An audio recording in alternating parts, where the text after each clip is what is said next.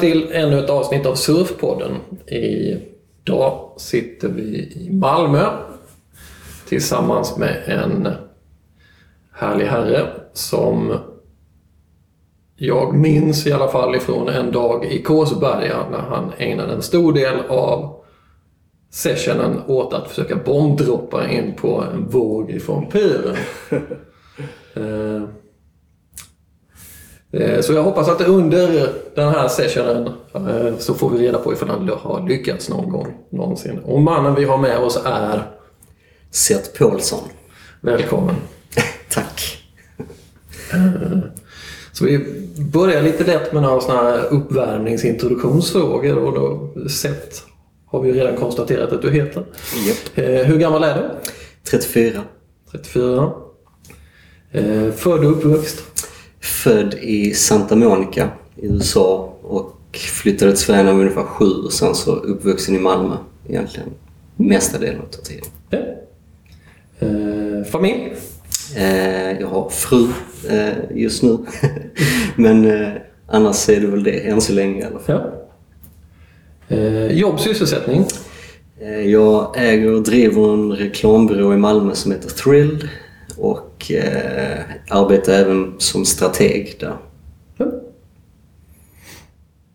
Mm. Ja, men då har vi ringat in det lite grann. Eh, åldersmässigt i alla fall.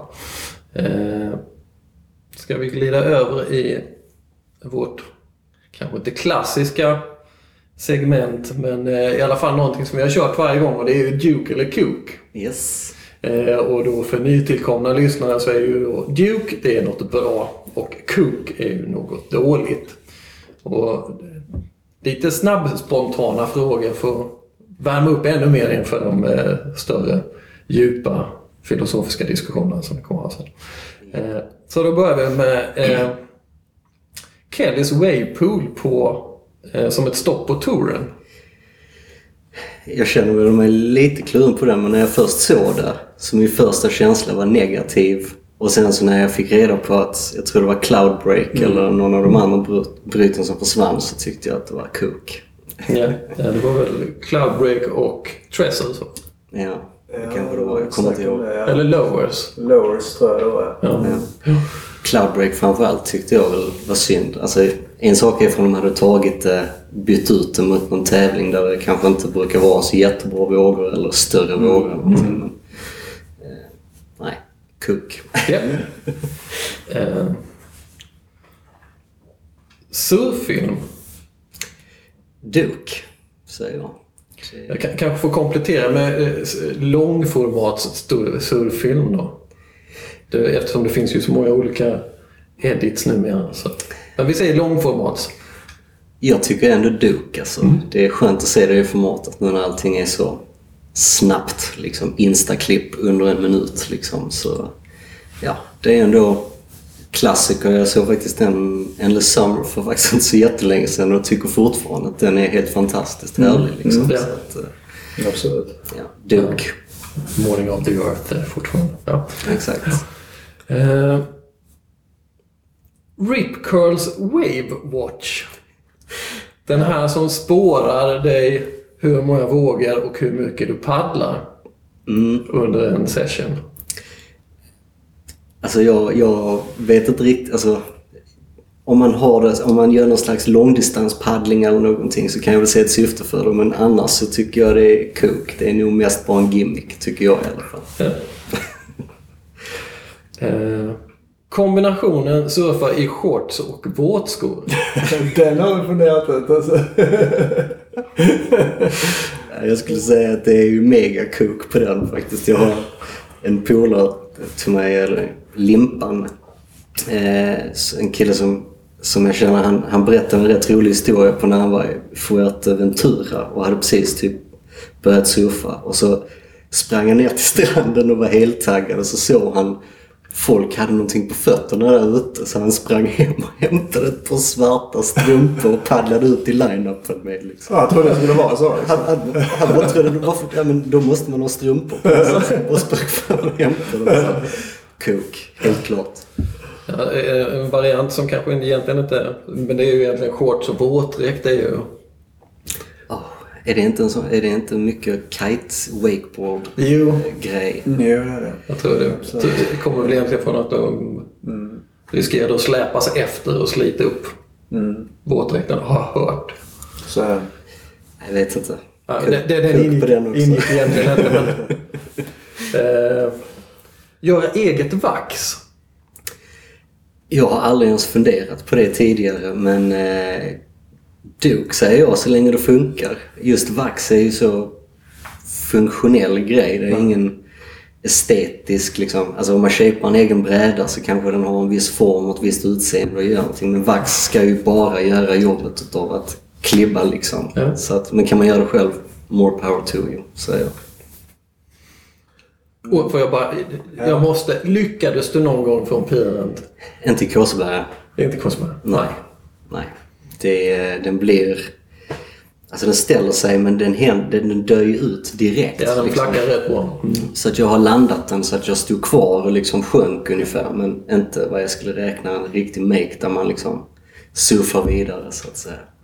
Har du satt den någon gång tidigare? På Ja. ett annat ställe? Det har jag. Ja. Eh, på Bali har jag gjort det bland annat. Ja. Eh, ja, random ställen men där det finns klippor som, som den bryter längs med klippor istället för en pier så att säga. Men jag har försökt det jävligt mycket på Ja. olika ställen liksom. Jag vet inte, det är en ball grej lite grann. Ja. Det, var- det, var ungefär där jag började surfa tror jag. Bara så, vad fan gör han? Ja. Så du tänkte det är så man, det är så man liksom paddlar in på vågen? Eller Ja, lite så, vågen, lite så liksom? tänkte jag. Det var ungefär som hans svarta strumpor. Att, eh, nej, men, jag får vänta till nästa gång. Då kanske jag får stå där. Ja. Nej, man ser det inte så mycket inom surf. Alltså, Inom skateboard så ser man det rätt mycket och i vissa fall snowboard också faktiskt. Men, men eh, just i surf ser man inte så jättemycket. Men jag tycker det är rätt coolt alltså, när man ser de som lyckas göra Ja, det. alltså, Ja, det är så det är lite som den här eh, bryggan de hade. Ja, ja visst. I det. stab-artikeln där. Ja. Precis. Ja. Ja, det såg också helt sjukt ut. Det hade varit riktigt ball. Men jag kan också tänka mig mycket kaos och farligt också. Ja, Ja, för det, då- såg väl lite som man, visste inte riktigt hur de skulle tajma vågen. Liksom, vad, gör jag nu? Ja. Liksom. Exakt. Ja, för de släppte ner dit sen efteråt på alla, som, alla de gångerna de missade. Liksom. Folk flög och bara liksom... Den var nästan bättre än den när de surfade Ja, jag. precis. Ja. Det var faktiskt. Gott, då har vi haft lite uppvärmning här sett. Eh, och då kommer vi lite mer in på din eh, surfkarriär. Vi uttrycker oss på det viset. Och lite som du nämnde själv, du har ju fått inspiration från skate. Och det beror ju mycket på att du har ju, som jag har förstått det, mycket av din bakgrund är i skate. Japp. Och du nämnde här också på introfrågan att du föddes i Santa Monica, Japp. LA. Exakt. Eh, Venice eh, Beach. Precis. Kan du ta oss lite grann på en resa typ därifrån och fram? Absolut. Um, alltså, jag föddes där för min, båda mina föräldrar är svenskar liksom, men jag föddes där för att min farsa jobbade på den tiden. Eh, och min farsa gjorde faktiskt rätt mycket, höll på mycket med bodyboarding och eh, även bodysurfing. Eh, så att några av de tidiga minnen för min del är att vara på stranden liksom. Och antingen då jag och min lillebror liksom latchandes i vitvattnet med bodyboards liksom. Eller eh, att min farsa rent utav när vi alltså riktigt liten bara så tog en på ryggen, händerna runt halsen och sen en hand runt armarna och en annan på brädan och körde på liksom. Eh, och egentligen är min farsa så mycket med allting att han gillar action. Det är samma sak skidor eller segling eller vad det nu är för någonting. Utan det får gärna vara ja, så adrenalinet går igång så att säga. Så att där började det någonstans. Och sen har man väl haft en skateboard i alla fall så länge jag kan komma ihåg. Bara som har varit där men kanske mer som en leksak eller vad ska man säga, bara någon random grej som en cykel eller någonting liknande. Men eh, någonstans när jag var kanske 12, ja, alltså 95. Och då hade du flyttat till Sverige och Malmö då? Exakt, exakt. Och, eh, men då när jag flyttade hit här så var det, då, jag tänkte inte så mycket på liksom, surf eller någonting. Min farsa gjorde inte det heller utan det var mer någonting som man gjorde när man var där eller så, sådär liksom. Eh, Men skate, alltså skidor och, så- och liksom sådana saker har vi alltid åkt så att säga på vintrarna. Och, men någonstans där när jag var 12 så började jag egentligen skata på riktigt om man ska säga så. Liksom, att, jag, att jag förstod att mer än en leksak. Det är fortfarande en leksak liksom. Men att, att, med, att man ja, mer börjar försöka göra tricks och olla och liksom mm. nerför små trappor och liksom hålla på på det viset. Och sen så um, har ju Malmö i alla fall uh, en väldigt bra skatescen. Alltså det är, Malmö är ju världskänt uh, i skatekretsar så att säga. Uh, delvis nu för tiden i alla fall. Delvis för liksom all DIY typ av sports och annat som man har liksom mm. varit igång och byggt här och där och, och lite överallt. Men även eh, på grund utav det så har man fått en dialog med kommunen vilket gör att eh, liksom, ja, en, en kille som jag känner arbetar för kommunen som liksom skate... Eh, alltså kommer med rekommendationer på material och andra typer av saker. Hur, hur, hur, hur tror du det har blivit så? Varför har just Malmö profilerat sig som alltså jag, skatestad liksom? Det fanns ju ingenting här. Alltså då 95 Alltså det fanns ju ingenting. Alltså det fanns, eller de flesta skaterna är i det man kallar DC, alltså i tri triangelgaraget där det. liksom. Det fanns en miniramp i Sofielunds Folkets hus. Eh, men det var också mycket så kickare på den tiden. Jag vet inte om ni kommer ihåg det. Men... Stanare som de kallades ja, vi... på gamla Malmötiden också. Ja, vi, alltså vi kallade det kickare men det var ju fan ja. livsfarligt egentligen då liksom. Alltså med hela gäng som, som kom ner och, och liksom jagade en där nere i garaget. Och de, det var fan nästan som militära övningar för dem. Då, för att, men först var det vakter som man fick springa från, alltså vakter nere i garaget. Men de, efter ett tag, så när de kom ner där, ett helt gäng, så märkte de att vi hade dörrar och vi sprang ut. Men till slut lärde de sig vilka dörrar så att de liksom mm. flankade en från bägge hållen. och då var det ju liksom att bara ja, veva i bästa fall, men annars skydda sig liksom och, och bli rånad eller vad det nu var. För. Så att, eh, men jag tror att på grund av det så var det ju...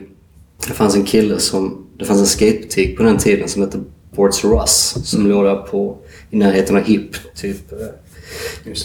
en kille som heter Björn Olsson, tror jag han heter. Björn heter han. Riktig mm. eldsjäl.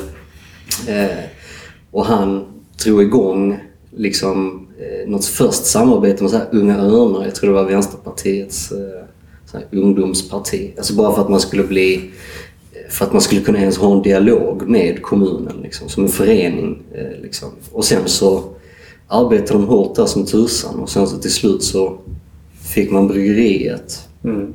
Eh, och då inomhusskateparken och då eh, så blev det en väldigt positiv grej och växte och man märkte att det var positivt. Och, ja, för många kids så ger det någonting att göra istället för att vara ute och bara hänga eller göra något annat skit. Liksom. Så att, att någonting att fokusera på. Eh, så att jag tror efter ett tag så blev det en väldigt bra dialog och att det blev en positiv historia. Och sen så byggde man Stapelbäddsparken. Mm. Som var, därför det fanns nästan inga betongparker på den tiden. Utan allting byggdes i trä och då blev det ju oftast att de brann ner så här en gång om året. Mm. en gång vartannat år. Och liksom i Sibbarp här nere så fanns det ju alltid trä förr i tiden och, och så här liksom.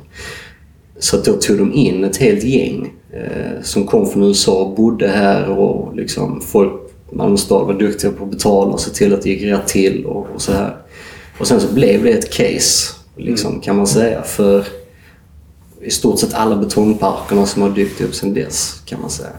Ja, för bryggeriet har ju varit väldigt inblandade att bygga betongparker runt om i Sverige därefter. Exakt. Mm. Och även åka och liksom hjälpa till att föreläsa och, och alltså, för kommuner och annat mm. när de tänker liksom stadsplanering och att det finns liksom ett värde mm. så att säga i att, att eh, ja, bygga parker. Och nu är det ju som himlen här. Liksom. Ja. Det finns ju hur många parker som helst överallt och varenda liten kommun utanför har en egen park. Och, wow! Alltså det är som man inte ens kunde drömma om det. Vi brukade ta bussen till Södra Sandby för att skejta någon sån totalt hemmabyggd sketen park ja, det, det fanns det. ingenting. Liksom. Sådana här plattor på golvet så det bara liksom så rasslar som fan. Men det var, det var liksom lite grann där. Men sen så började jag, egentligen därefter så, mina föräldrar skilde sig för att hoppa tillbaka till hela hur jag kom in på surfbiten egentligen. Eh, mina föräldrar skilde sig när jag var ganska ung så att min morsa bodde kvar i USA. Och hon bodde, hon flyttade runt, hon gifte sig med en och de flyttade runt och bodde på lite olika ställen. Eh, faktiskt på Hawaii under en period. Eh, men sen så när jag var, jag vet inte vad fan, kanske säg 97 eller någonting liknande. Så när jag var kanske 15 så vi kom inte så bra överens med honom, den här snubben. Så att då åkte vi över dit och sen så ville hon liksom, hon bodde i Arizona då. Eh, och då så ville vi åka iväg någon annanstans för att vi inte bara enbart skulle vara där liksom. Eh, och då så föreslog hon Hawaii. Eh, Maui, rättare sagt. Eh, och då eh, tyckte vi absolut fett liksom. Nej, men, nej men framförallt också kopplat till att jag hade också börjat åka snowboard. Alltså gått över från skidor till snowboard typ året därpå. Från det att jag hade börjat skata.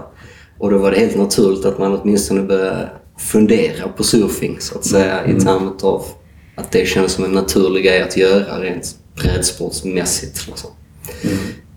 Så då åkte vi till Maui. Eh, Och sen så körde vi en, eller vi hyr, liksom hyrde en instruktör eller vad man ska säga liksom, eh, i Lahaina heter stället. just. Precis vid hamnen där. Och eh, ja, då körde vi där och, och ja, första vågen upp på brädan och bara det här är ju hur fett som helst. det här är för mig liksom. Lite grann kände jag i alla fall. Ja. Eh, Så du tog din första stående våg på Hawaii. Japp, exakt. Det är en bra början. Det är en bra början. Ja. Det är det. Eh, och sen så randomly också, bara ett allmänt minne till det. Var att, på tal om det här med skor och shorts liksom. Där jag rev där och så kom, dyker det upp en snubbe i liksom, en sleten van ungefär och, eh, som ska då lära oss. Och så ger han mig ett par skor. Jag har inte reflekterat för den i, i efterhand. Men han ger mig ett par skor som är som par riktiga skor liksom. Fast supertunna. Nästan som att det var ett jävla dansskor eller någonting. Med en sån liten klack. Så potentiellt så den där första, första vågen var på klackar. Liksom. Eh, Men sen också när vi gick tillbaka, kom tillbaka till hans vän. För han skulle ge oss något jävla diplom eller någonting liksom. Ja, jag är legitimerad surfare ungefär. Men Hur som helst när vi kom dit så hade Loco smetat hundskit på dörrhandtagen på hans van. Liksom. Så han stod där och var tvungen att mecka med det och helt plötsligt när han fick ihop det så stod man där med det här jävla diplomet med hundskit på mer eller mindre. Liksom. Bara så, nej fuck det. Vi slängde dem på vägen hem. Men sen så, eh, sen så egentligen surfade jag nästa år, så därför vi brukade åka och hälsa på min mor varje år eh, på sommaren. Så blev det så bara så här, vi måste göra samma grej liksom. Eh, Så det gjorde vi igen det året. Eh, Och sen tror jag det var, ja jag tror det var då så surfade vi där, vi var där typ två veckor någonting och då bara gick vi och hyrde brädor liksom varje dag bara ner på stranden utav en snubbe som stod där.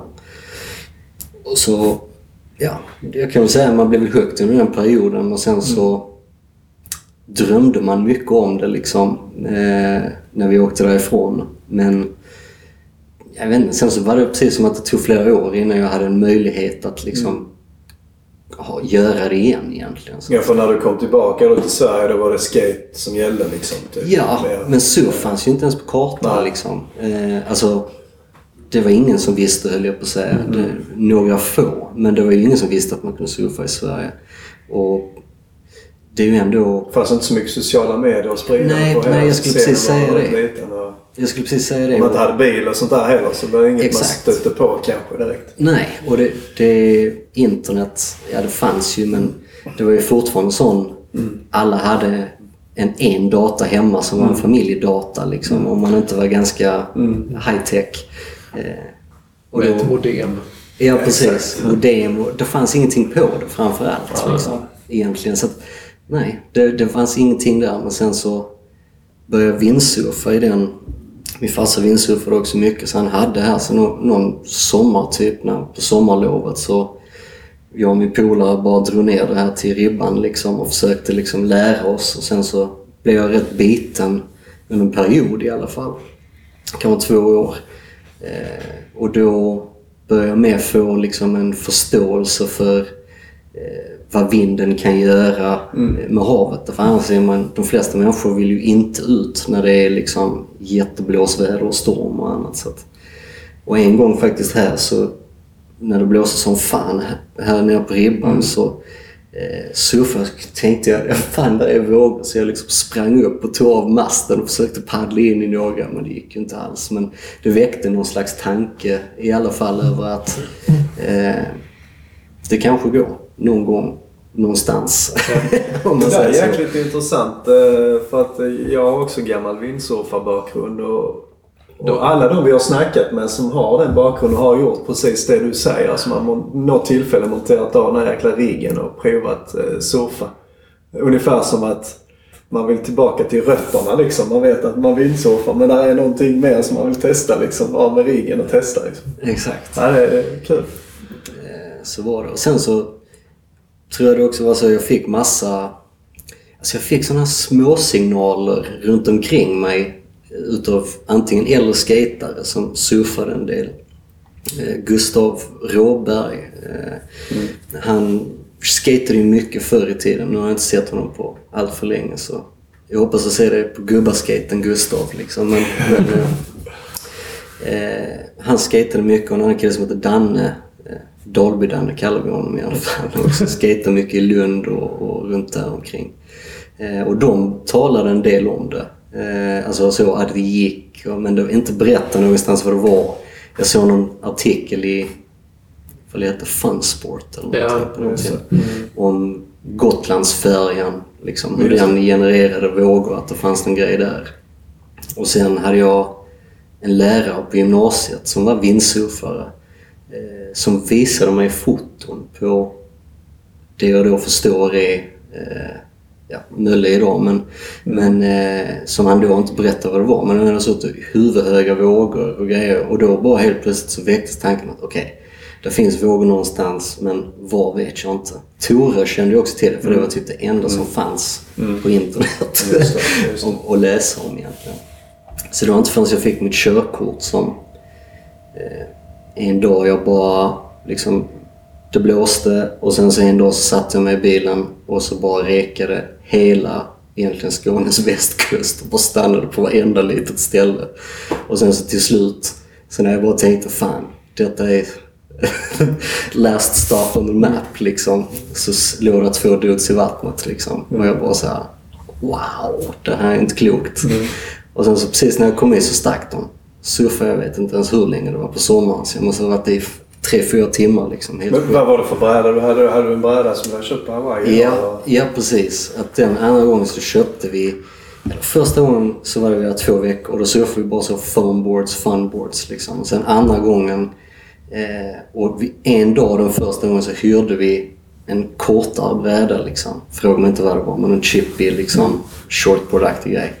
Eh, och det kändes ju helt katastrof. Det kändes som att bomba en backe så här med superlösa truckar eller någonting. Så, det, så då var egentligen idén så här, nästa gång vi kom dit att inte börja med de stora brädorna utan att börja med någonting som var mindre för att inte den övergången skulle vara så kymig liksom. Eller, Ja. eh, och då hyrde jag, det var någon sån typ 80-tals shortboard liksom som hade ganska mycket volym i sig ändå. Sån helt platt på, på däcket liksom. Och, och ehm, ja, de- de funkade bra där liksom. Eh, Men så köpte vi, det var en 6-2 local shaper där på Maui. Jag kommer inte alls ihåg vad han heter men alldeles fel bräda kan jag ju säga så här i efterhand. Har du kvar den idag eller? Nej, nej det har jag inte. Nej.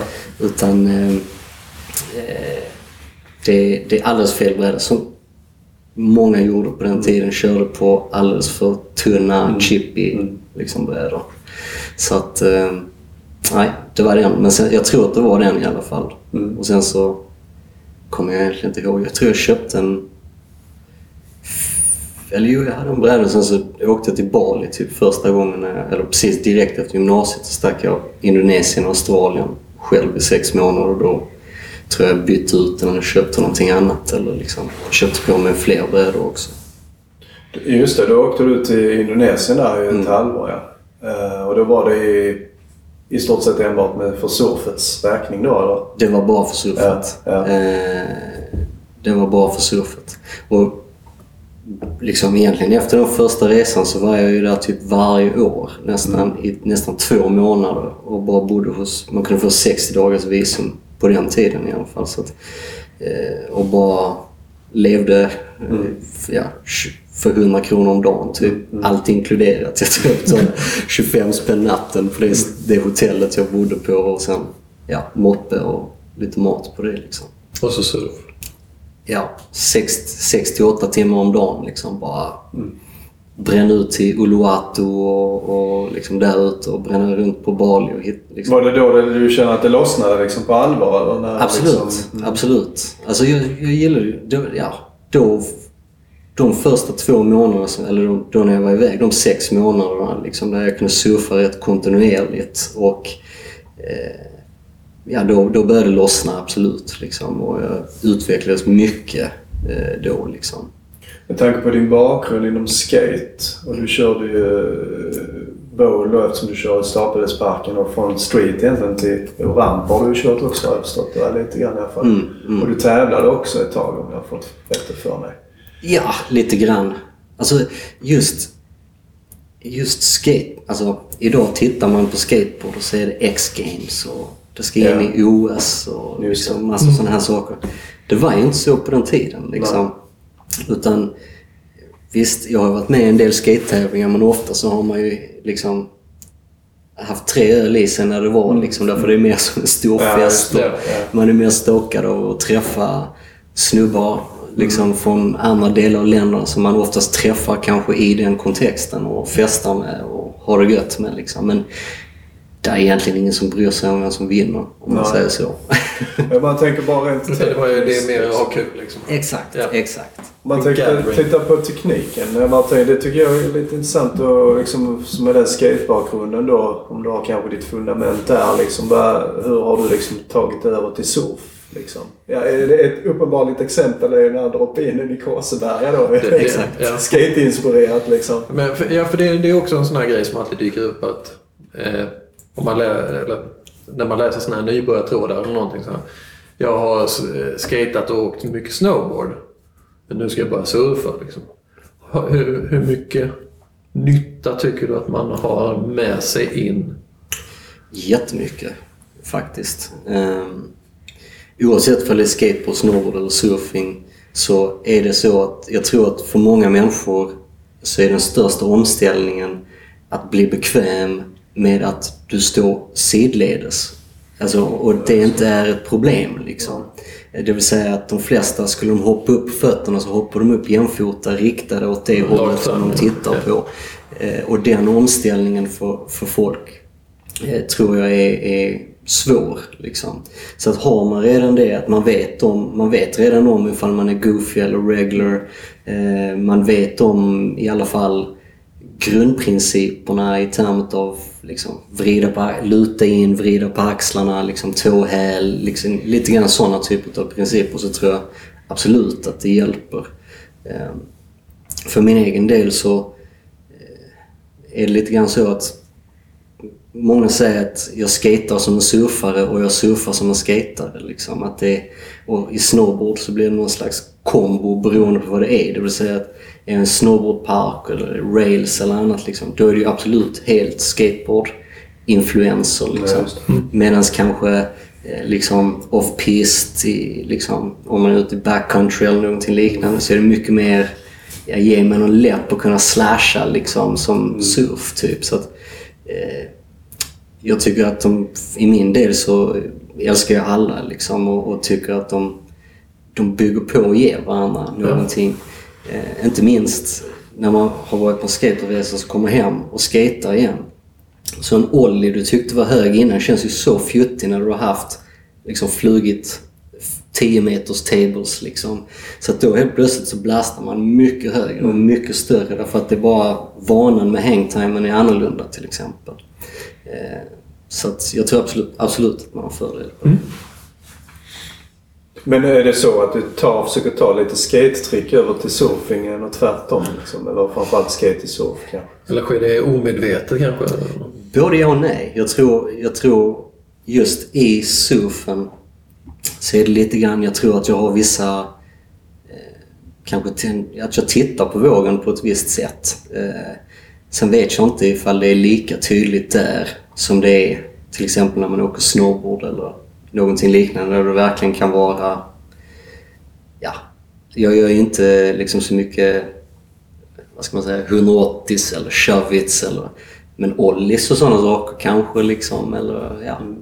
Jag tror bara att skateboard är det när jag inte vet hur- vad jag ska göra så blir det liksom skateboard hjärnan som kickar igång Ja, kanske man ska ja, säga. ja. Eh, men med airs och sådana saker tror jag Ja. absolut. Eh, även om det är en helt annan grej att göra det på en surfingbräda än både på snowboard och surf. Man måste mycket mer slunga den liksom på ett helt annat sätt. Eh, annat än att man kan liksom få den att klibba sig under fötterna ungefär. Så att man måste verkligen allt händer med bakfoten höll jag på att säga. Så att, Ja, har ni ett tips alla ni som ska börja med air så att det jobba med bakfoten? exakt. Och slunga axlarna så mycket ni bara kan i stort sett. Tips. Eh, Om vi går vidare på surfet här då. eh, Du sa att du lite tävlat i skateboard och du har tävlat i surf också. Eh, Jag minns att du... Det fanns ju den här svenska surftouren 2007. Och nu då jag träffade dig första gången, eller den första gången jag träffade dig tror jag. Mm. Eh, Vi tror vi möttes i samma heat i Mölle tror jag. Eh, Det var ett heat du vann i alla fall och du vann hela touren totalt sett också tror jag. Ja, precis. Eh, Och sen har du varit med och representerat landslaget vid ett antal tillfällen. Yes. Hur tyckte du det var med den? Det var ju en liten scen förvisso men ändå...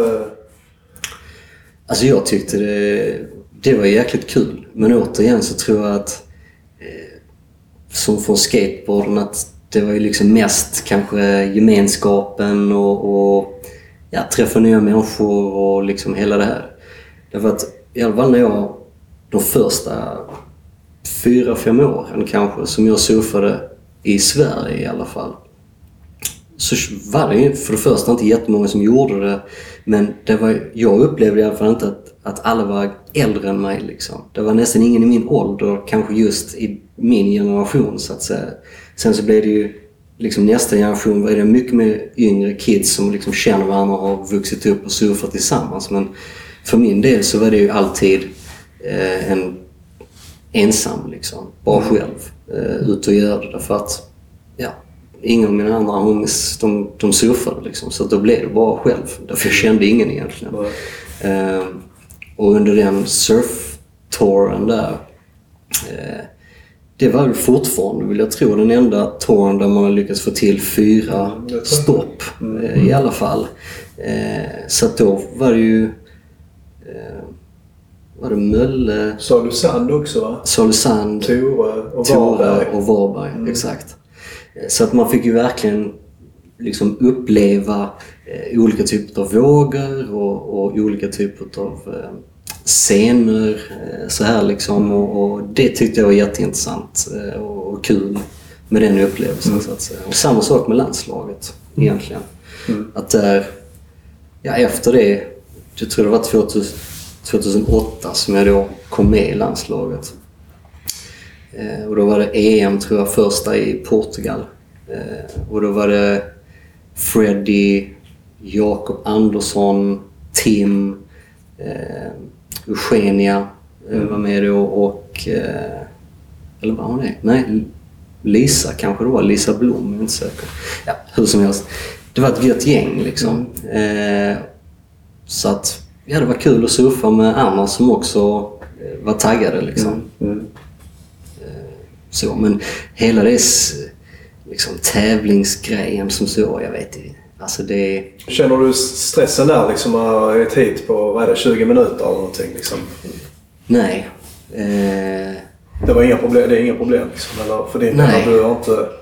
jag, jag, återigen, jag tror liksom inte just i de, alltså det här att vinna eh, liksom i Du, de... du gick in med att nu ska jag ha kul istället för att Ja. ja, nu jävlar ska jag vinna hela Ja, skiten. precis. Ja. Nu, nu, nu ja, får jag surfa med mindre vågor, med mindre människor ute eller någonting liknande.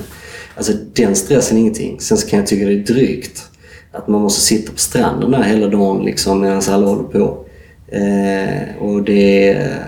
Men annars så nej. Jag, jag, man har ju inte en chans liksom som svensk egentligen om man tänker sig hela, kommer hela franska laget i sina små röda berets och matchande kläder. Liksom. Och man bara, liksom med träningar och ditten och datten och, och liksom, nej. Det, det är det jag gillar med de sporterna, att det inte Ja. är den saken. Liksom, att, eh, ja, nu tränar vi från 6 till 9 eller liksom. Bara, man gör det när man vill och hur man vill. Liksom. Men har du någon sån, om du ska lära dig ett nytt trick, eh, liksom, har du någon sån här eh, rutin liksom att körs, när du sticker ut och surfar, kör du bara frisurfar du bara eller tänker du att idag ska jag träna på den här grejen liksom? Ungefär som att du återigen bombade en hel dag där på Mm. Kosta. Så är det så att du, du ska nöta en grej, Nej. utan det är mer att du, du, du kör på känslan liksom? Ja. ja. Ja. Nej, jag tänker aldrig så jag ska nöta en grej. I vissa fall så kanske... Liksom... I vissa fall så kanske du ser en viss typ av våg som lämpar sig för ett visst typ av trick. Eh, om man säger så. Alltså, har du en slab eh, så är det ju tuber du är ute efter givetvis. Eh, har du kanske någon slags konstig wedgig våg liksom, så kanske det är helt perfekt för airs därför att den launchar dig så helt naturligt så är det det. Du siktar bara på den sektionen och så BAM! Liksom. Men är det en våg som man kan göra lite allt möjligt så är det vågen som bestämmer. kan jag tycka. Vad, vad den tillåter en att göra eller vad den inspirerar en att göra så att säga. Om man ska säga så. Vi, vi hittade, du behöver inte outa det spottet, men vi hittade någon gammal artikel med, jag tror det var du- och Freddy som hade surfat en nyupptäckt våg. Mm, precis. Exakt. Eh, åkte ni runt och, och letade lite då eller vad liksom var... Hade ni fått ett tips? Det kan man säga. Men egentligen, jag tror hela den grejen började faktiskt när jag, när jag bodde i Australien. Eh, då jag delvis hade liksom tagit mig till en helt annan nivå surfingmässigt. Man hade blivit mycket mer bekväm med slabs och, och verkligen gillade och jagade det. Och det var det som var hela grejen. Att hitta en sån våg i Sverige eller Skandinavien egentligen. Men som ja, ingen hade sett för. Och det, det vill jag påstå att ingen hade sett för, eh, för den vågen kom. Liksom. Och, Nej, det blev, blev... Jag vet själv att jag bara What? exakt, exakt. Och det var det som var hela grejen. Så att där började ju med liksom att verkligen spendera mycket tid på att sitta och titta på kartor och sitta och titta på sjökartor och liksom försöka analysera var det eventuellt skulle kunna finnas potential. Eh, och sen så ja, fick vi höra eller liksom stories om att på, liksom, jag kan säga Norrland, vilket egentligen Ja, det täcker ju ganska stor Ja, del av den precis. svenska kusten. Så det- Precis. Eh, men där vi egentligen hade några dagar där det verkade som att det skulle vara swell. Så att vi åkte upp dit och så bodde vi hemma hos Lisa och Nils eh, Blom och eh, ja, åkte runt där och, tittade och några locals visade oss runt liksom till deras spots. Och vi tittade, efter, vi tittade ju på saker på helt olika sätt kan man säga. I alla fall jag och Freddy jämfört med vad de tittade på. Eh, Det är kanske lite mer mellow där uppe. Någon vill ha liksom någon skön longboardvåg som liksom pilar. Medan vi bara, vad är det där för någonting? Liksom, som bryter på stenarna där borta. Och då, då var vi mycket och gick liksom längs med kusten och genom skogen och överallt egentligen. Och sen så just eh, det stället var någonting där man visste om att det fanns en våg i närheten. Men när vi kom dit så, bör, så tittade väl egentligen jag och Freddy dit och bara vad är det där för någonting?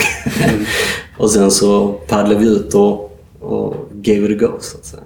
Så att, eh, nej, det var fett. Hur var den känslan att paddla ut på en våg som förmodligen ingen annan hade surfat innan och liksom... Det är skitgött. Ja, det var riktigt gött. Och På en, de här breddgraderna liksom. Och speciellt en sån typ av våg också. Som, Ja, en slab det. Exakt. En annan våg som, jag vet inte, nu Freddy la upp, eh, döpte den till Ran efter liksom en grej, men den är uppe i Norge. Den, den hittade jag, fast då var det på helt egen hand. Och då var jag tvungen att Alltså det är mäckigt som fan att ta sig dit kan jag berätta för dig. Det är en sak att sitta och titta på en karta och försöka räkna ut. Och sen när man väl kommer dit så var det ju liksom gå och paddla, gå och paddla liksom för att till slut komma ut till den ön där jag potentiellt trodde att liksom det här fanns. Eh, och det var också en sån sjuk upplevelse liksom att stå där helt själv och bara så här. Ja. Jag vet inte, någonstans det kändes som att det här stället liksom kallade på mig. Så att, Ja. därför så pallade jag med mecka mig dit där helt själv. Liksom. Men, eh, Men, men då har du kollat på kartor innan och tänkt att fan här är någonting som kanske... I alla fall som är tillräckligt exponerat. Alltså, på, vad ska man säga, på svenska sidan så är man ju alltid limiterad till hur mycket hav är där och vad är det för riktningar som saker kan komma ifrån för att det ska liksom bygga upp. Även djup, givetvis, i termer av hur mycket av energin den stjäler när det liksom rör sig framåt. Men i Norge så är det ju helt liksom öppet hav. Men de har ju jävla massa öar och annat liksom som skärgård typ som, som liksom ja, gör att det kanske inte är. Att man, det finns vissa ställen där man vet om att det kommer in och andra ställen där det inte kommer in. Eh, och sen så, jag vet inte, just i detta fallet så Någonting som jag också gjort mycket och det kanske är ett tips liksom, men det finns såna här hemsidor för såna här nördar på fyror. Alltså du vet folk som älskar fyr, en, en Ja, ja. Alltså, att, så de liksom plåtar och lägger upp och, och, och nö, nästan som du vet, det finns även sådana som Saffo berättar för mig om. Någon som var helt innördade på tåg. Liksom att de satt och antecknade. Ja, ja, men så här trainspotters. Ja, ja precis. Exakt. Ja, exakt. ja, nu kom det tåget. exakt. Och då är plötsligt så ibland så, ja, så hjälper det till att liksom säga ja, vad är det i bakgrunden som de inte ens förstått att de har tagit en bild på. Liksom. Ja, just det.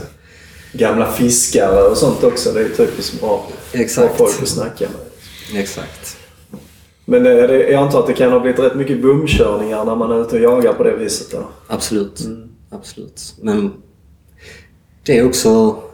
Det är en del av tjusningen tycker jag också med de typerna utav missions. Liksom. Att ibland är man bekväm av sig och liksom, nej nu vill jag bara, vad vet jag, alltså nu vill jag bara ha det slappa och nu vill jag, liksom, jag vill inte behöva mecka och inte veta, jag ska bo i ett tält någonstans och det kan vara kallt och det kan vara vad det nu är för någonting. Eh, och ibland är man bara så nej, skönt med ett surfcamp eller något resort där man bara körs till stranden. Så det beror lite på, men just i de lägena där man är ute och letar efter någonting så är det ju hela resan eller allting runt omkring är lika givande tycker jag i alla fall som eh, surfen i sig själv. Man kommer ut och man, eh, man liksom oftast får se någonting nytt i vilket fall. Liksom. Alltså ett, vara på ett ställe där du aldrig varit för, även om det inte var surf eller någonting annat. Det eh, gillar jag med alla de sporterna egentligen. Det är samma sak med skateboard. Att, eh, liksom man börjar någonstans liksom, på gatan framför ens hus och innan man vet det så har man tagit sig runt kvarteret för att kolla vad det finns där. Och sen är du liksom checkat hela stan och sen någon annan stad och sen har du rest utomlands för det och så vidare. Så det tar en liksom lite längre ifrån ens, ens, eh, ja, ens comfort zone eller ens hus så att säga. Lite mer oförutsägbart än en uh, tennisbana eller något. Absolut, absolut. Exakt. Exakt. Ja, du nämnde att du flyttade bort i Australien också. Du flyttade dit 2010. Eller? Exakt. Ja. Runt där någonstans. Precis.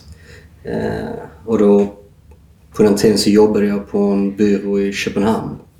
Och sen så hade jag väl varit där ett tag men tyckte det var mindre givande. Och samtidigt så kom hela liksom finanskrisen där liksom ofta marknadsföringsbudgetarna är de första att ryka.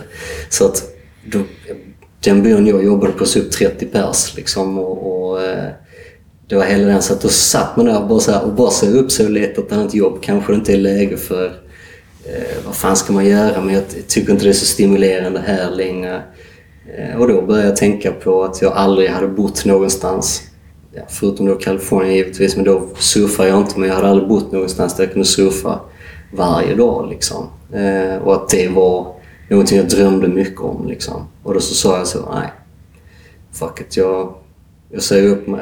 Jag hade en, dessutom en australiensk kollega som var från Sydney som bara var så “Business is booming down in Sydney mate. Så jag bara, okej. Det var det. Så sa jag upp mig sex månader senare så jag på ett plan och var på väg ner. Ehm, och så bodde jag i Manly. Ehm, där faktiskt det var, ja, det är mycket svenskar i Australien generellt liksom. Men just i Manly finns det ju en hel även Petter, alltså SUF Sverige, Petter och han Limpan jag snackade om tidigare bodde bara tvärs över. Så att det, det var en del snubbar där. Eh, men jag bodde och hängde mest egentligen med australienare. Men det var ändå kul att liksom stöta på andra. Okare också, bodde också bara tvärs över gatan från mig faktiskt. Eh, så det var ett helt gäng kan man säga. Eh, nej, det var fett. Så hade man, bodde man typ 250 meter från stranden och sen så jobbade jag in i Sydney så man tog färjan från Manly genom, liksom förbi operahuset och allting varje dag. Alltså det var, mm. Sydney är den läckraste staden i hela världen. Mm. Tycker jag i alla fall. Eh, men eh, det ligger bara så jävla långt ifrån allting annat. Mm. Liksom. Mm. Och inte minst familj och, och liksom, hela den biten. Mm. Så att, så att, eh, men hade det inte gjort det så är det där jag hade bott, helt klart. Jag var där typ tre och ett halvt år någonting sammanlagt tror jag. Tre och ett halvt år i Sydney? Ja, en bra tid. Mm. Ja. Men var det då du började bodysurfa mer? Ja, det också. Mm. Jag hade aldrig bodysurfat innan dess. Eh, alltså jo. För du, hade... du pratade om att din pappa hade gjort det i Precis. Kalifornien. Men Precis. Ja. Alltså vi bodysurfar alltid om man bara säger så. Ja, för det, för, för det gör man ju. Man, de flesta som badar liksom slänger sig ju i någon... Mm. Precis. Och egentligen är det ju inte mer komplicerat än så. Igen. Alltså, behöver inte vara mer komplicerat än så. Men när jag bodde i Sydney så... Eh, ja, då var det så liksom, delvis tror jag det började dyka upp mer såna handplane-grejer och liksom folk som gjorde egna handplanes. Jag tänkte, ja vad är det för någonting? Och jag såg några i vattnet och jag vet inte, jag blev lite nyfiken på det. Så då eh, ja, gjorde jag en och köpte ett par simfenor. Simfenor och sånt tyckte jag ändå att det var bra att ha liksom, när man är runt, även om man snorklar eller vad man nu gör för någonting. Att det kan vara bra att ha på fenor. Eh, men sen så började jag egentligen bodysurfa där och sen så hade jag framförallt därför jag opererade min ankel när jag var där nere. Från egentligen, ja, skata, stuka fötterna liksom. Så jag hade en massa benfragment och, och koagulerat blod och annat som var inne i liksom. Så att efter ett tag där så liksom, om jag surfade eller skatade en hårdare session liksom, så svullnade hela ankeln upp så att jag var tvungen att ha en operation. Eh, och då under den perioden så i och med att de, de liksom gick in och skrapade på benet så att säga. Så att musklerna och sånt kan man ju snabba upp processen med. Men ben, det har sin läketid så att säga. Mm, mm. Så att hela den här att stå på det eller att liksom stampa på det var, var så att säga smärtfull, smärtsamt. Och då så sa eh, min egentligen läkare så att jag bara, ja men bodysurfer kan jag göra det liksom? Och han bara, ja. Så att då kickar man med fötterna och bygger upp musklerna men det är ingen impact så att säga. Eh, och då eh, snöar jag in i det helt och hållet liksom för att, ja delvis därför jag tycker det är jäkligt kul men också för eh, att snabba på processen att kunna komma tillbaka så att säga. Eh, så att det var på det viset. Har du några sådana nybörjartips om man inför bodysurfing? Alltså fenor behöver man. Ska man ja. Går det med vilka fenor som... Ja, det är klart det gör. Men är det några man... Just det. Typ av våg? Behöver man ett handplane? Lite sådana. Precis. Alltså jag skulle säga så. Man behöver simfenor minst. Eh, det, ja, för att det ska vara liksom lite lättare och egentligen för att få lite längre åk och sådär. Eh, handplane är någonting man mest har om det kanske är mindre eller flackare vågor. Är det riktigt så alltså mycket tryck i vågorna eller de är stora så gillar inte jag att ha en handplane på det för att då eh, är det för mycket. Liksom, den kan ryckas runt på handen och hålla på så att säga. Eh, men annars så är ju handplanen till för att hjälp, hjälpa till och ge det lite extra planingsyta kan man säga. Eh, men det som det som jag tror, alltså fenor, så egentligen de första fenorna som jag hade och som jag hade har använt mest egentligen är ett par bodyboard-fenor liksom.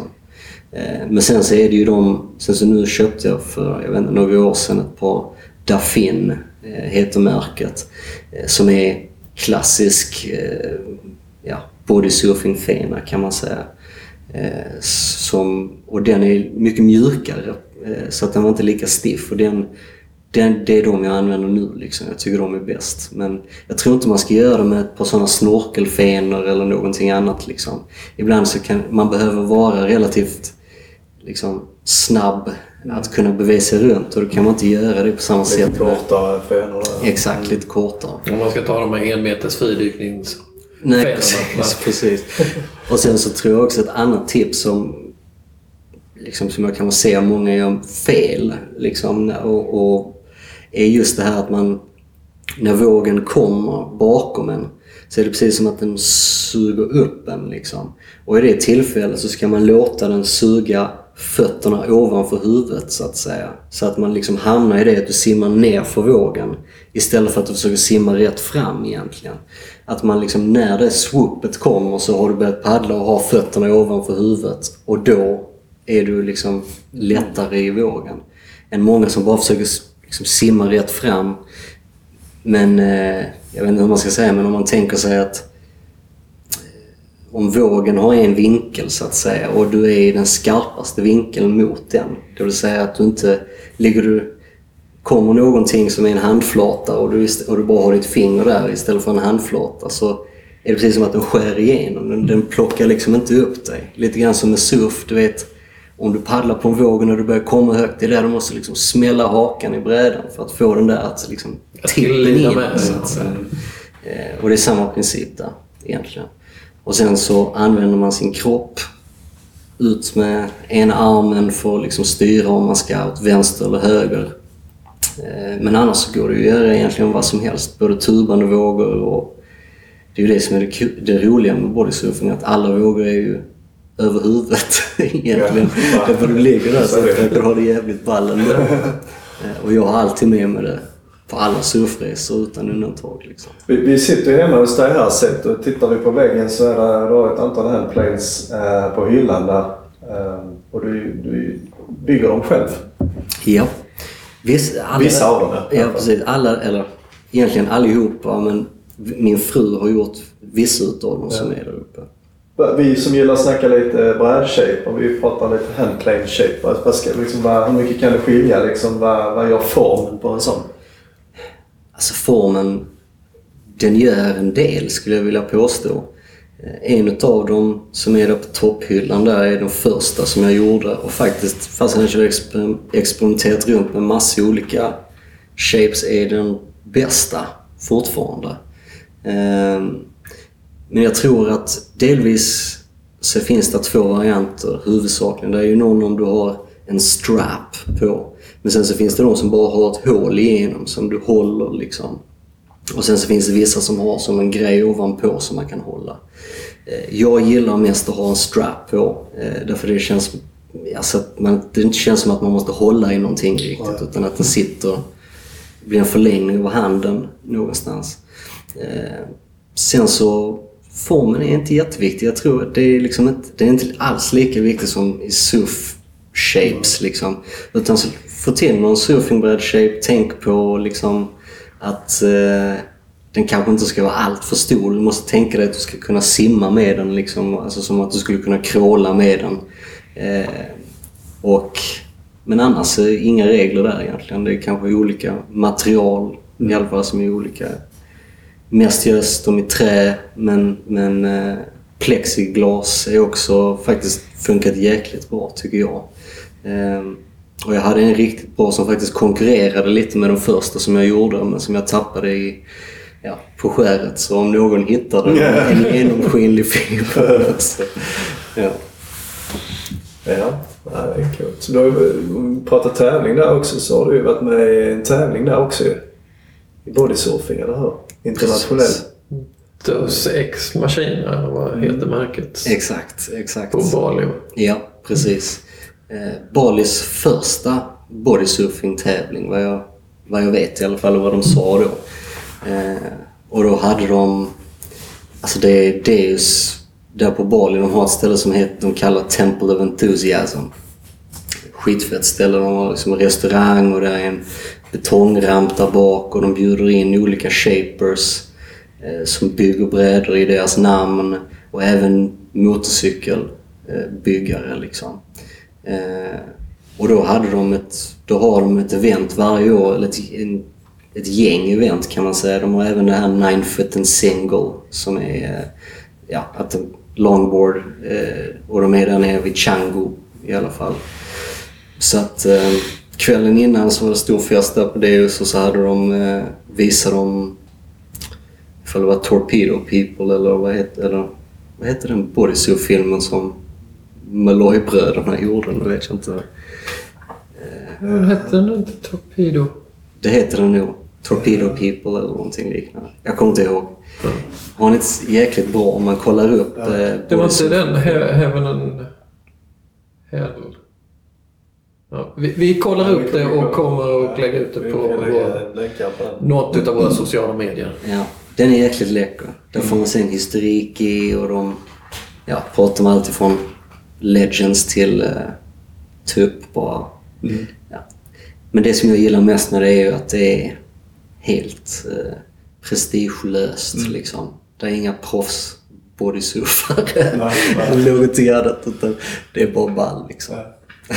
Come Hell och High Water. Exakt, Just det. där är den. Det var Ja, något med det var Hell. någonting. Ja. Ja, precis. Den är riktigt bra. Ja.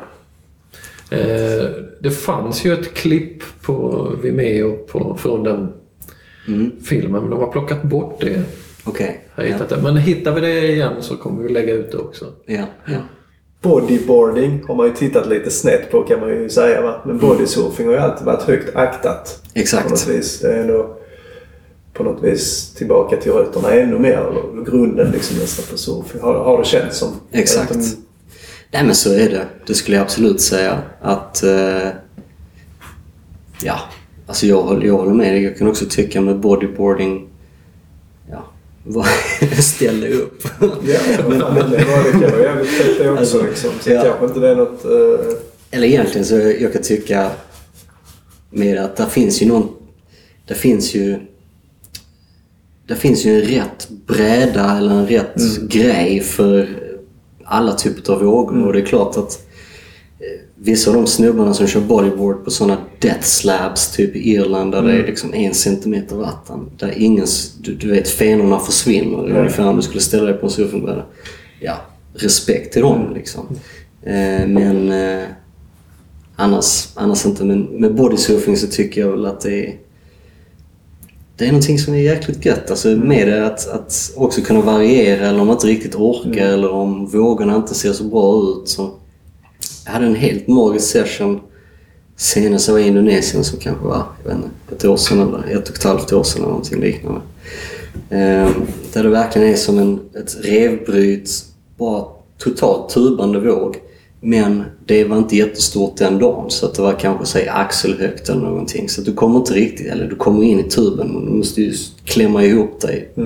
Och då kan jag tycka att det är bättre att göra floaters liksom egentligen i det läget. Men, men på insidan där den liksom dör ut så att säga. Bara ligga där och bara få hur många tuber som helst och komma ut. Liksom, ingen konkurrerar med och alla håller på att fjanta med liksom axelhöga vågor som du inte kan göra så mycket med för att de är mest en racande tub. Liksom. Eh, Då är det perfekt att bara, nej, nu drar jag upp och hämtar simfenorna. Liksom. Mm. Ja, det är nice. nice. Man tittar vidare på din... eh, Alltså du gillar den här eh, brädlivsstilen och du... Därför passar det ju rätt bra in här också. Här står en motorcykel här inne. Där är det så att det var din frus motorcykel. Men det känns som att eh, det passar bra in i din livsstil, gör det? Alltså det här fria liksom.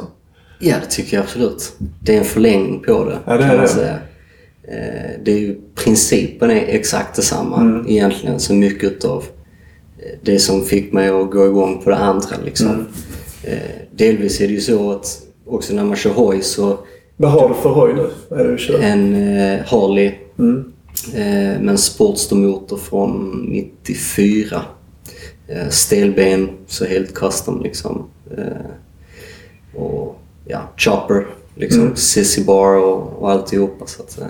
Och, eh, det är mest den, jag tror det är mest den liksom typen som man alltid har Mm. diggat liksom. Och sen så för några år sedan så ett gäng av mina polare som skater är liksom ja, fastnade för det här samtidigt ungefär. Och ja, nu så tar det rätt mycket fokus så att säga. Men det är ofta så att man drar, tar hojarna och skater någonstans. Liksom, eller någonting. Så på det viset är det absolut en förlängning. Men också i, i det här med att det tar en till nya ställen. Liksom, att Mm. Det är många gånger man har kört motorvägen därför du bara tar dig fram i en bil så fort som möjligt. Medan Mm. En hoj är det så bara, nej men vi tar landsvägen bredvid där du aldrig hade sett att det helt plötsligt låg någonting eller upplevt någonting annat. Eh, Och sen är det även jäkligt mycket liksom brödraskap, liksom, om man kan säga så. Att, och någonting som jag faktiskt påminner mig om mer när skateboard, alltså när jag började åka skateboard jämfört med nu så att säga. Där det, där var inte så många som höll på med det. Att liksom, jag kommer ihåg när jag började högstadiet, kände, började på ny skola, kände ingen... Det första jag gjorde var att titta på folks skor liksom, för att se om någon hade slitna skor. Och hade de det så var de skatare och då var vi down. Liksom. Alltså det var bara så. Det fanns nästan inga, det fanns inte så många som höll på med det på samma sätt. Så att, eh, och samma sak här, att jag vet inte hur många stories det finns på liksom delvis alla, alla som kör hoj vinkar till varandra när man kör, för, när man kör förbi varandra. Eh, varenda gång det har hänt någonting i termer av att man har liksom, ja, antingen tagit slut på bensin eller någonting liknande. Så kommer det, så är det random människor som stannar på hoj och bara “Hur är det? Kan jag hjälpa dig? Ska du ha någonting här?” och Det är gött. Ja. Det är gött. Och sen är det kreativt också. Där finns inga regler utan Nej. du kör den hojen du vill ha, du bygger den som du vill ha den och du gör vad du vill. Liksom. Mm. Eh, Så att det, det är gött. Vad, vad är du idag med din surfing skulle du säga? ja, Du har så, skaffat longboard nu va? så är det. Så är det. En eh, 9-4 eh, från um, Wave Gliders. Eh, single fin, Volan glassing, alltså verkligen så riktigt traditionell.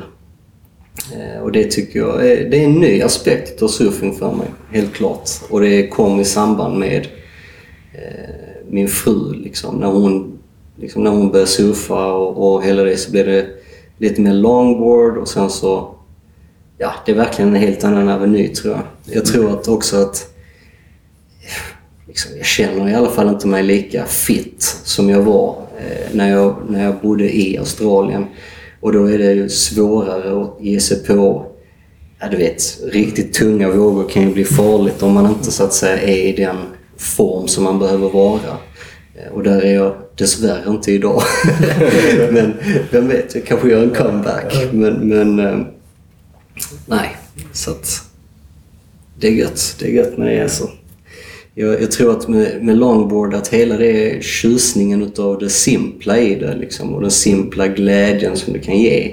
Att bara liksom, ja, upp och stå på nosen eller få till en nice hang ten eller en nice bara sväng liksom. Eh, som känns bra.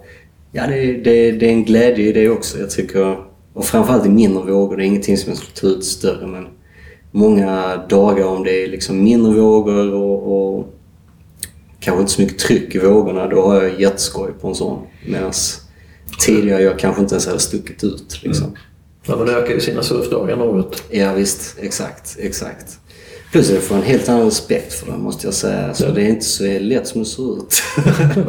alltså att kunna göra det snyggt och få till flow och, styla till. Liksom. Eh, Du jobbar ju i reklambranschen. Ja, Och allt det här med surf och sånt här, det är ju väldigt, jag ska säga, det är mycket livsstilssport. Mycket, man går liksom på känsla och det är fritt, det finns inga regler liksom. Jag inbillar mig att det är någonting du kan lyfta in i jobbet liksom. Eller är det just därför du håller på med det du gör liksom? Eller hur? det finns aspekter utav det. Jag tror att jag absolut har fått väldigt mycket, kalla det livslärdomar eller vad man nu ska säga, från skateboard, snowboard och surfing egentligen. Eh, inte minst kopplat till eh, liksom rädsla eller att, att, eh, att dela med rädsla eller tvivel eh, någonstans. Som jag har absolut applicerat eh, i mitt arbetsliv. Liksom. Eh, eller som generell, ett generellt sätt att se på det. Liksom. Att, att, ehm, jag gjorde faktiskt en liknelse för en, en, eh, en av mina medarbetare för ett tag sedan där jag eh, liksom, när man ska göra någonting nytt eller någonting som du aldrig har gjort för och där finns en risk att du kan, att liksom, du blir skadad utav det på ett eller annat sätt. Och ibland så kan det vara eh, fysiskt, alltså, men det kan också vara en emotionell grej eller en ekonomisk grej eller liksom på något sätt att det finns en risk som, som potentiellt kan skada dig. Så brukar jag likna det vid lite grann den här att ja, första gången du ska droppa in i en ramp liksom, så är man ju rädd. Mm. Och sannolikheten att du inte kommer klara det eller att du kommer slå dig är rätt så stor. Mm. Alltså, så är det bara. det, det, är liksom, så enkelt är det. Jag vet inte. Jag i alla fall slog halvt ihjäl mig de första gången jag skulle försöka droppa in i en. Men någonstans så finns det ju ett trick som du behöver göra som gör det möjligt. Och det är att när du står där uppe så behöver du någonstans fokusera på att klara det och inte lägga energi på allt som kan gå åt helvete. Och därmed dedikera dig all vikt in och om du tvekar halvvägs, ja då slår du ihjäl dig. Liksom. Då mm. sticker brädan och så landar du på ansiktet. Eh, och den approachen tror jag är liksom någonting som jag försöker applicera mycket. Att eh, antingen så gör man det så gör man det inte. Liksom. Och även om det är läskigt eller även om det nu är någonting så måste man acceptera risken och committa sig till uppgiften. Liksom. Lite grann så. Och det är skitsamma om man ska klättra i sin karriär eller för man ska surfa en liksom du paddlar ut och vågorna är större än vad du någonsin har sett i ditt liv. Ja, det är klart som fan du är rädd. Då kan man inte tveka utan då är det satsa i hjärnet. Ja, men det är en bra, jäkligt bra liknelse. Ska vi börja runda av lite då med... Yes. Eh, första surfbräda har vi ju nästan rätt ut. Det var en 6-2 under okänt märke. Exakt. Om vi tar andra surfbrädan då. Det första du kommer ihåg? Eh, en, eh, tror jag, sex, sex Town and Country tror jag faktiskt. Mm. Um, shortboard, men, eller shortboard om man nu ska säga det, men det hade typ en sån typ av form och det var mycket mer volym i. Um, och det var nog den första uh, faktiskt. Eller första. Den första som jag kan komma ihåg egentligen. Hur många brädor har du idag? Allt för många skulle jag vilja säga. I alla fall där ligger ju nere i källaren mängder som är gamla brädor liksom. Som jag tycker, jag har snackat med, med Matthew på Red Snap och sagt till honom att han borde dra igång någon slags surf swap meet eller någonting mm. liksom. Där man kunde ta med sig eller göra någon grej där.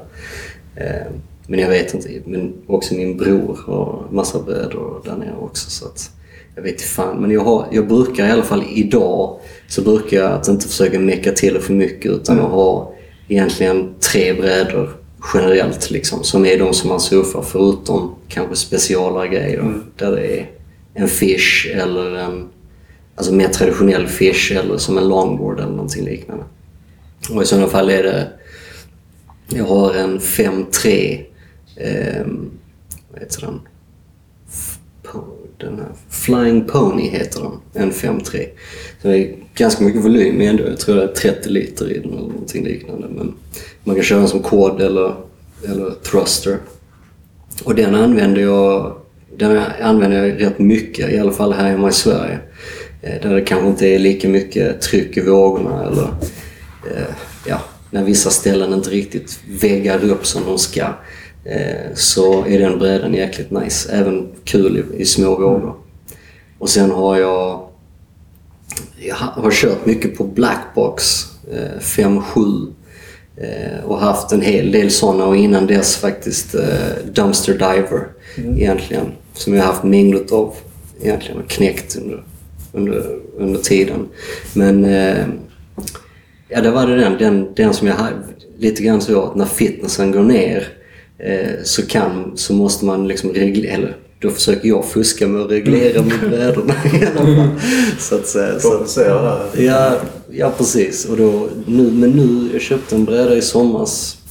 En last eh, short round som är 5-6 kanske på 27 liter eller något liknande. Eh, och den är nice när det är lite mer, när det är lite mer tryck i vågorna. Eh, och sen så har jag en eh, 511 eh, Simon Anderson. Mm. Eh, som, ja, i alla fall nu för tiden är som min gun liksom i stort sett. Att när det blir större vågor så är det den jag whippar ut. Eh, men huvudsakligen är det någonstans i, de, i den Är sfären. det traditionellt glasade liksom eller kör du på Firewire eller Nej. annat eller? Eller den här lasten jag köpte var i någon sån här, Ja.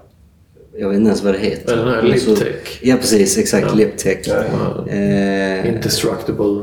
Precis, precis. Eh, och den har jag kört med. Annars de andra är, är traditionella. Ja. Eh, Mycket har något med fenor och sånt också. ja, alltså jag gillar ju att latcha runt med det. Jag har några gånger så har jag liksom sågat gamla fenor bara. Alltså den, framförallt den som är i mitten. För att liksom göra den mindre så att den blir mycket mer lös. Liksom. Så, att Ja, du, så att tailen inte håller lika mycket. Sen när du gör en sväng så liksom Släpper den. släpper den ungefär. Eh, det, det har jag gjort en hel del men annars tror jag vad de heter, AM1 eller någonting är väl de som är ganska standard i det mesta tycker jag för min egen del. Men kör du helst thruster eller kör du quad eller? Det lite på. Alltså, det beror lite på. Alltså, jag... Quad skulle jag säga är väl om det är att man mer ska köra rakt liksom. Om man säger så. Och inte så mycket top to bottom. Utan eh, är det riktigt tubande till exempel så kan det vara bra med quad för du ska egentligen bara sätta railen och sen så ska du liksom stå där inne tills du spottas ut i stort sett. Eh, men i mindre vågor så kan det också vara att jag upplever dem är snabbare men du kan inte göra samma liksom wow, verkligen driva från botten och, och smälla på toppen så att säga. I alla fall inte jag. Utan, men, men jag tror det är generellt liksom att de är inte lika bra top to bottom men, men eh, de är snabbare rent eh, down the line egentligen. Mm. Futures eller FCS? Eller Fast- blandat? Just nu har jag en salig blandning ska jag säga det. Jag tror att min minsta är FCS 1 och sen så är de senaste är FCS 2 och sen så är det Firewire på den 511. Så det är en salig blandning. Men jag tror FCS är ju det jag är mest van vid kanske. Eh, ja. Men jag har inte egentligen provat Future så mycket förutom på den jag har där. Jag, jag kan inte säga att just på systemet i sig själv att jag märker någon eh, revolutionerande skillnad på det ena eller det andra egentligen. Men du har inte provat det- bygga brädor? Det är inget som är Inte än. intressant eller? Jo, det är, det är intressant. Det är jätteintressant. Jag har snackat med Saffer en del om det. Att, att liksom, han är ju duktig och har byggt mycket brädor. Eh, att det hade varit kul att göra. Jag är lite sugen på att göra en mini-Simmons. Så att den ändå är, ja, inte lika prestigefull så att säga som om man skulle göra en slags shortboard. Utan Nej, att den just den fyller ett syfte i quivern därför att det mer är liksom en ball bräda att kunna ta ut. Men också bara för att lista ut och lära mig. Eh, Men jag har aldrig glasat och sånt. Men jag har faktiskt på vissa av handplanesen eh, så har jag tänkt att jag ska testa liksom och, och glasa in dem och se hur det fungerar. Men annars så... eh, Men jag är jäkligt sugen faktiskt. Eh, Det är jag. Jag har bara inte fått tummen loss. Följer du några, eller vilka väderappar föredrar du? Om du vill avslöja. Ja, nej alltså. Jag vet inte, DMI funkar ju tycker jag. Eh, Eller hur, hur, mycket, PS pro- sjöväderrapport. Hur mycket prognosknarkande gör du? Det beror lite på. Det beror lite på också hur det ser ut eh, jobbmässigt också. Alltså, vissa veckor är det bara, det finns inte en chans att jag kommer iväg liksom och eh, ja, då försöker jag att inte liksom tortera mig själv genom att säga att oh, fuck, det pumpar på torsdag men det är inte möjligt liksom. Eh, men annars så, eh, alltså, men så fort helgen börjar närma sig så är man ju alltid egentligen scannar vad är det någonstans som händer liksom. Eller i vissa fall så har man möjlighet att komma iväg. Men nu har jag väl ändå, eller ja, surfar ju fortfarande inte med ett jättestort crew eller någonting. Men jag har väl ändå kanske min, min fru delvis är ju på det ibland och upptäcker när jag inte ens har funderat på det, vilket är gött. Och sen, Är hon också med på att sticka ut eh, året runt och sådär? ja, ja, sen så surfar hon inte alltid. Nej, nej. Eh, Det beror lite på och hon har ju inte surfat jättelänge så att ja, när det är stort eller någonting annat och stenar och lite annat smått gott så är det kanske inte optimalt. Liksom. Men eh, då plåtar hon ofta liksom, och tycker det är givande det också. Att liksom någonstans komma ut och ja, det är flera. Det är allt. det är ofta hon sitter i bilen i liksom två och en halv timme eller någonting och poppar ut och tar några foton men är ändå helt nöjd med liksom hela grejen. Och det är ju viktigt. Det är, det är bra. Ja, precis. Har du något favoritresmål? Eh, favoritställe surfmässigt? Sydney sa du som var perfekta stan att bo i liksom. Ja. Om Du skulle... eh, Alltså Indonesien, tycker jag. Alltså där har jag spenderat väldigt mycket tid liksom. Eh, och nu för tiden så pallar jag inte vara på Bali överhuvudtaget. Alltså mer än att ibland så kan man ta så om man, om man hittar billiga flyg dit att man tar liksom två, tre dagar bara för att eh, eventuellt rusta upp och byta ut eh, equipment beroende på var man ska någonstans och vad man ska hitta på. Om man behöver större brädor eller mindre brädor eller vad det nu är för någonting. Så ibland så kan man liksom, ja, alltihopa, köpa vax eller någonting. Ibland när man verkligen är långt ute så finns det finns ju inget sånt där ute så då gäller det att man har det med sig. Mm. Eh, men där har jag varit runt mycket och det är klart att alltså, Nias är ju Mm. the shit. Alltså, det är verkligen det är den bästa vågen jag någonsin surfat tror jag. Helt klart. Bara total tubmaskin liksom. Eh, så att det, ja, det, det är absolut den, den, bästa vågen jag tror jag har surfat. Liksom. Däremot gnarly med locals där, alltså där är de ju ganska aggressiva. Mm. Så här, har dykarknivar på benet liksom när de paddlar upp i line-upen. och, Ja. Men det är sånt man får ta när det är riktigt bra vågor. Har du med dig dina brädor då när du sticker på surftrips eller köper Ja. när du är på plats? Liksom?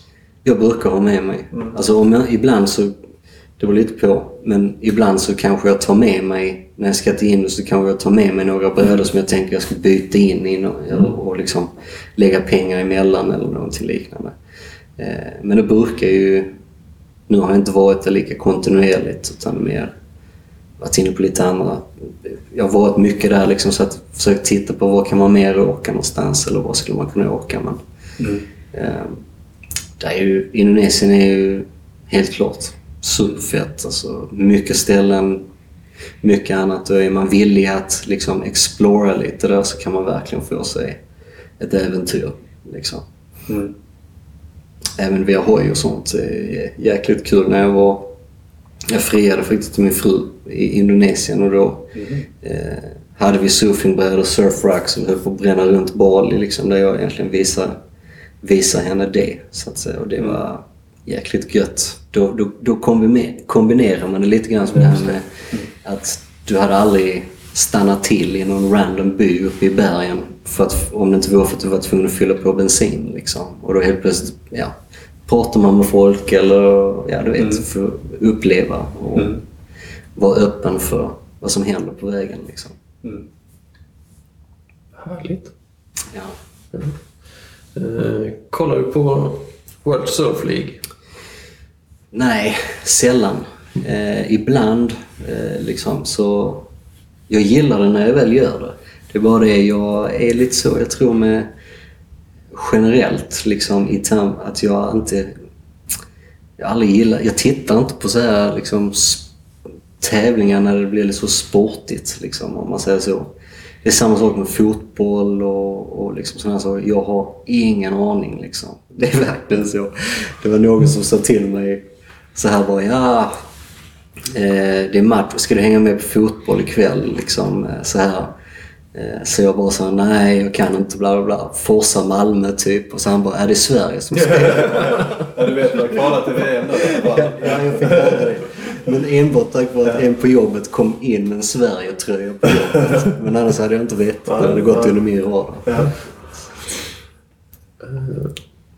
När var du ute och surfade senast? I lördags var jag då. Hur ofta blir det per år då, skulle du säga nu? Det är så svårt att säga. Jag har alltid haft jäkligt svårt. Aldrig riktigt räknat så surfdagar men Jag brukar bara räkna i början av året, sen glömmer man bort det och sen ja. så, fuck it. Nej, jag, vet faktiskt inte. Alltså det är helt random. Jag, jag försöker i alla fall... Jag har sagt det till min fru att liksom... När jag, att jag behöver en resa om året där jag verkligen får lov att liksom känna att man lever vad det gäller surfingmässigt. Alltså att utmana mig själv. Ja, oftast tuber liksom eller någonting liknande. Stora tuber eller någonting liknande. Att jag vill ha jag behöver det liksom. Den kicken. Annars är jag... Men å andra sidan så, ja. I somras så var vi... Nej, tog vi vår van och körde ner till Frankrike och norra Spanien och bara mest körde longboard liksom. i Galicien och där. Eh, Och det var också, det var skitgött. Men det är någonting annat så att säga än, än eh, det andra där man... Ja.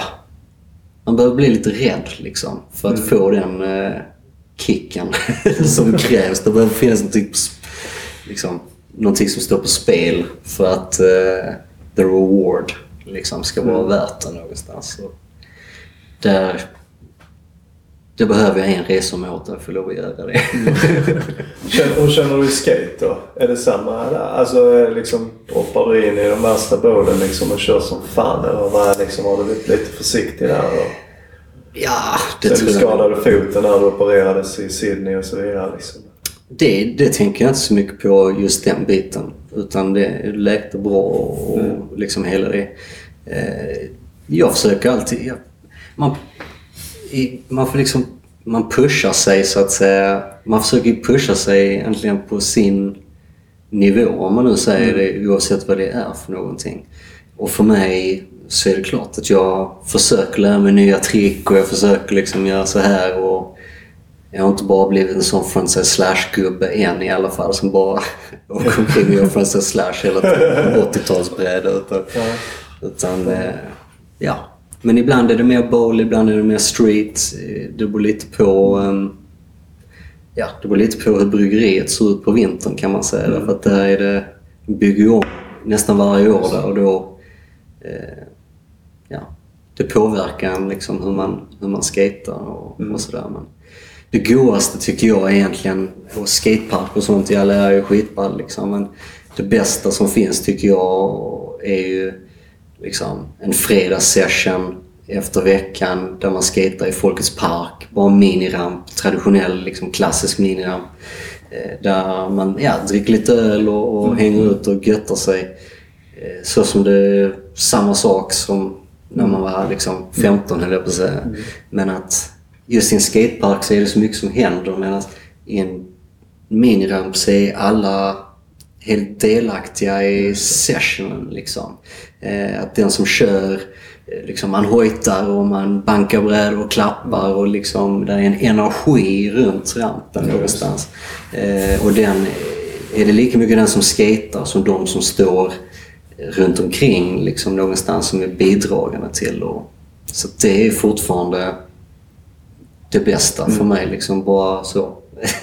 Ett sexpack, några homies och lite musik så kör vi liksom. Senaste brädan du surfade på? Det var den där 5-3an.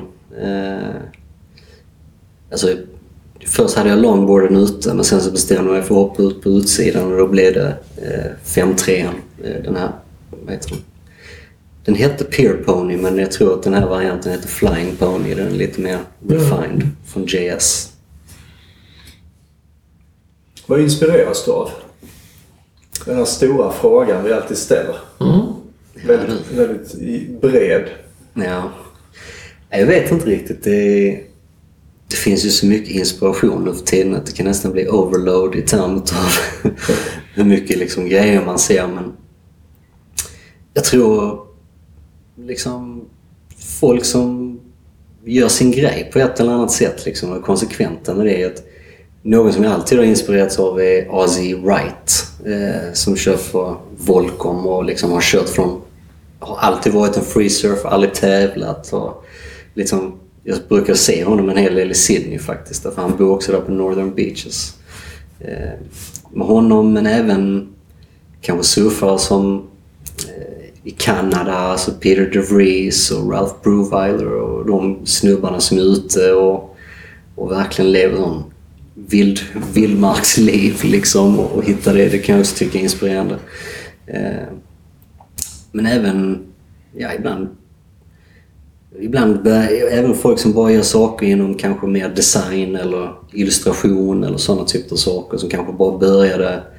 Man liksom randomly fann dem men helt plötsligt nu så märker man att ja men de säljer, det går ju bra för dem. De mm. säljer saker och sånt. Det kan jag tycka är fett för det är också egentligen så... Ja, de har varit konsekventa med att göra det de brinner för eller det sin stil eller någonting liknande. Liksom. Och det tycker jag alltid är inspirerande egentligen. Mm. Att, att man man hittar sin grej och är bekväm med det oavsett eh, liksom, trender hit eller trender dit. Mm. Eller eh, att det är en naturlig grej att nej, men jag gillar det här och därför så lägger jag min energi på det. Liksom. Mm. Uh, har du något allmänt tips till våra lyssnare? Det är också en väldigt smal fråga. Ja, precis. Hur, filof hur filosofisk ska man bli? Men... Eh, jag vet inte. Jag tror, jag tror om någonting så kanske... Eh, ja, en förlängning på det jag precis sa där innan egentligen. Att, att liksom prioritera det man älskar att göra. Liksom. Eh, därför att det är någonstans att vara sann mot det. Sen så brukar det lösa sig. Den här klassiska liksom take care of your surfing and your surf is gonna take care of you. Liksom, ungefär. Att, att man någonstans känner att det är givande. Mm. Och det är det enbart om man gör det som man brinner för, det man älskar att göra. Liksom. Och det tycker man alltid ska göra och alltid satsa på drömmen om man säger så. Drömmer man så ja, ge det ett försök så vaknar man inte upp så här woulda när man är panschis och önskar att man gjorde det men inte gjorde det. Det är bättre att bomma och veta att man försökt, tycker jag. Det är bra. Några avslutningsord? Sett. Uh, du skulle vilja ha sagt? Nej, ingenting. Jag tycker uh, avslutningsvis ja, tack till er. Jag tycker det är jäkligt kul att ni uh, har den här podden och gör den grejen. Och jag tycker det ska bli intressant att se, höra fler historier där. Liksom. Det är vi som ska tacka. Absolut. Tack så hemskt mycket. Tack. Tack.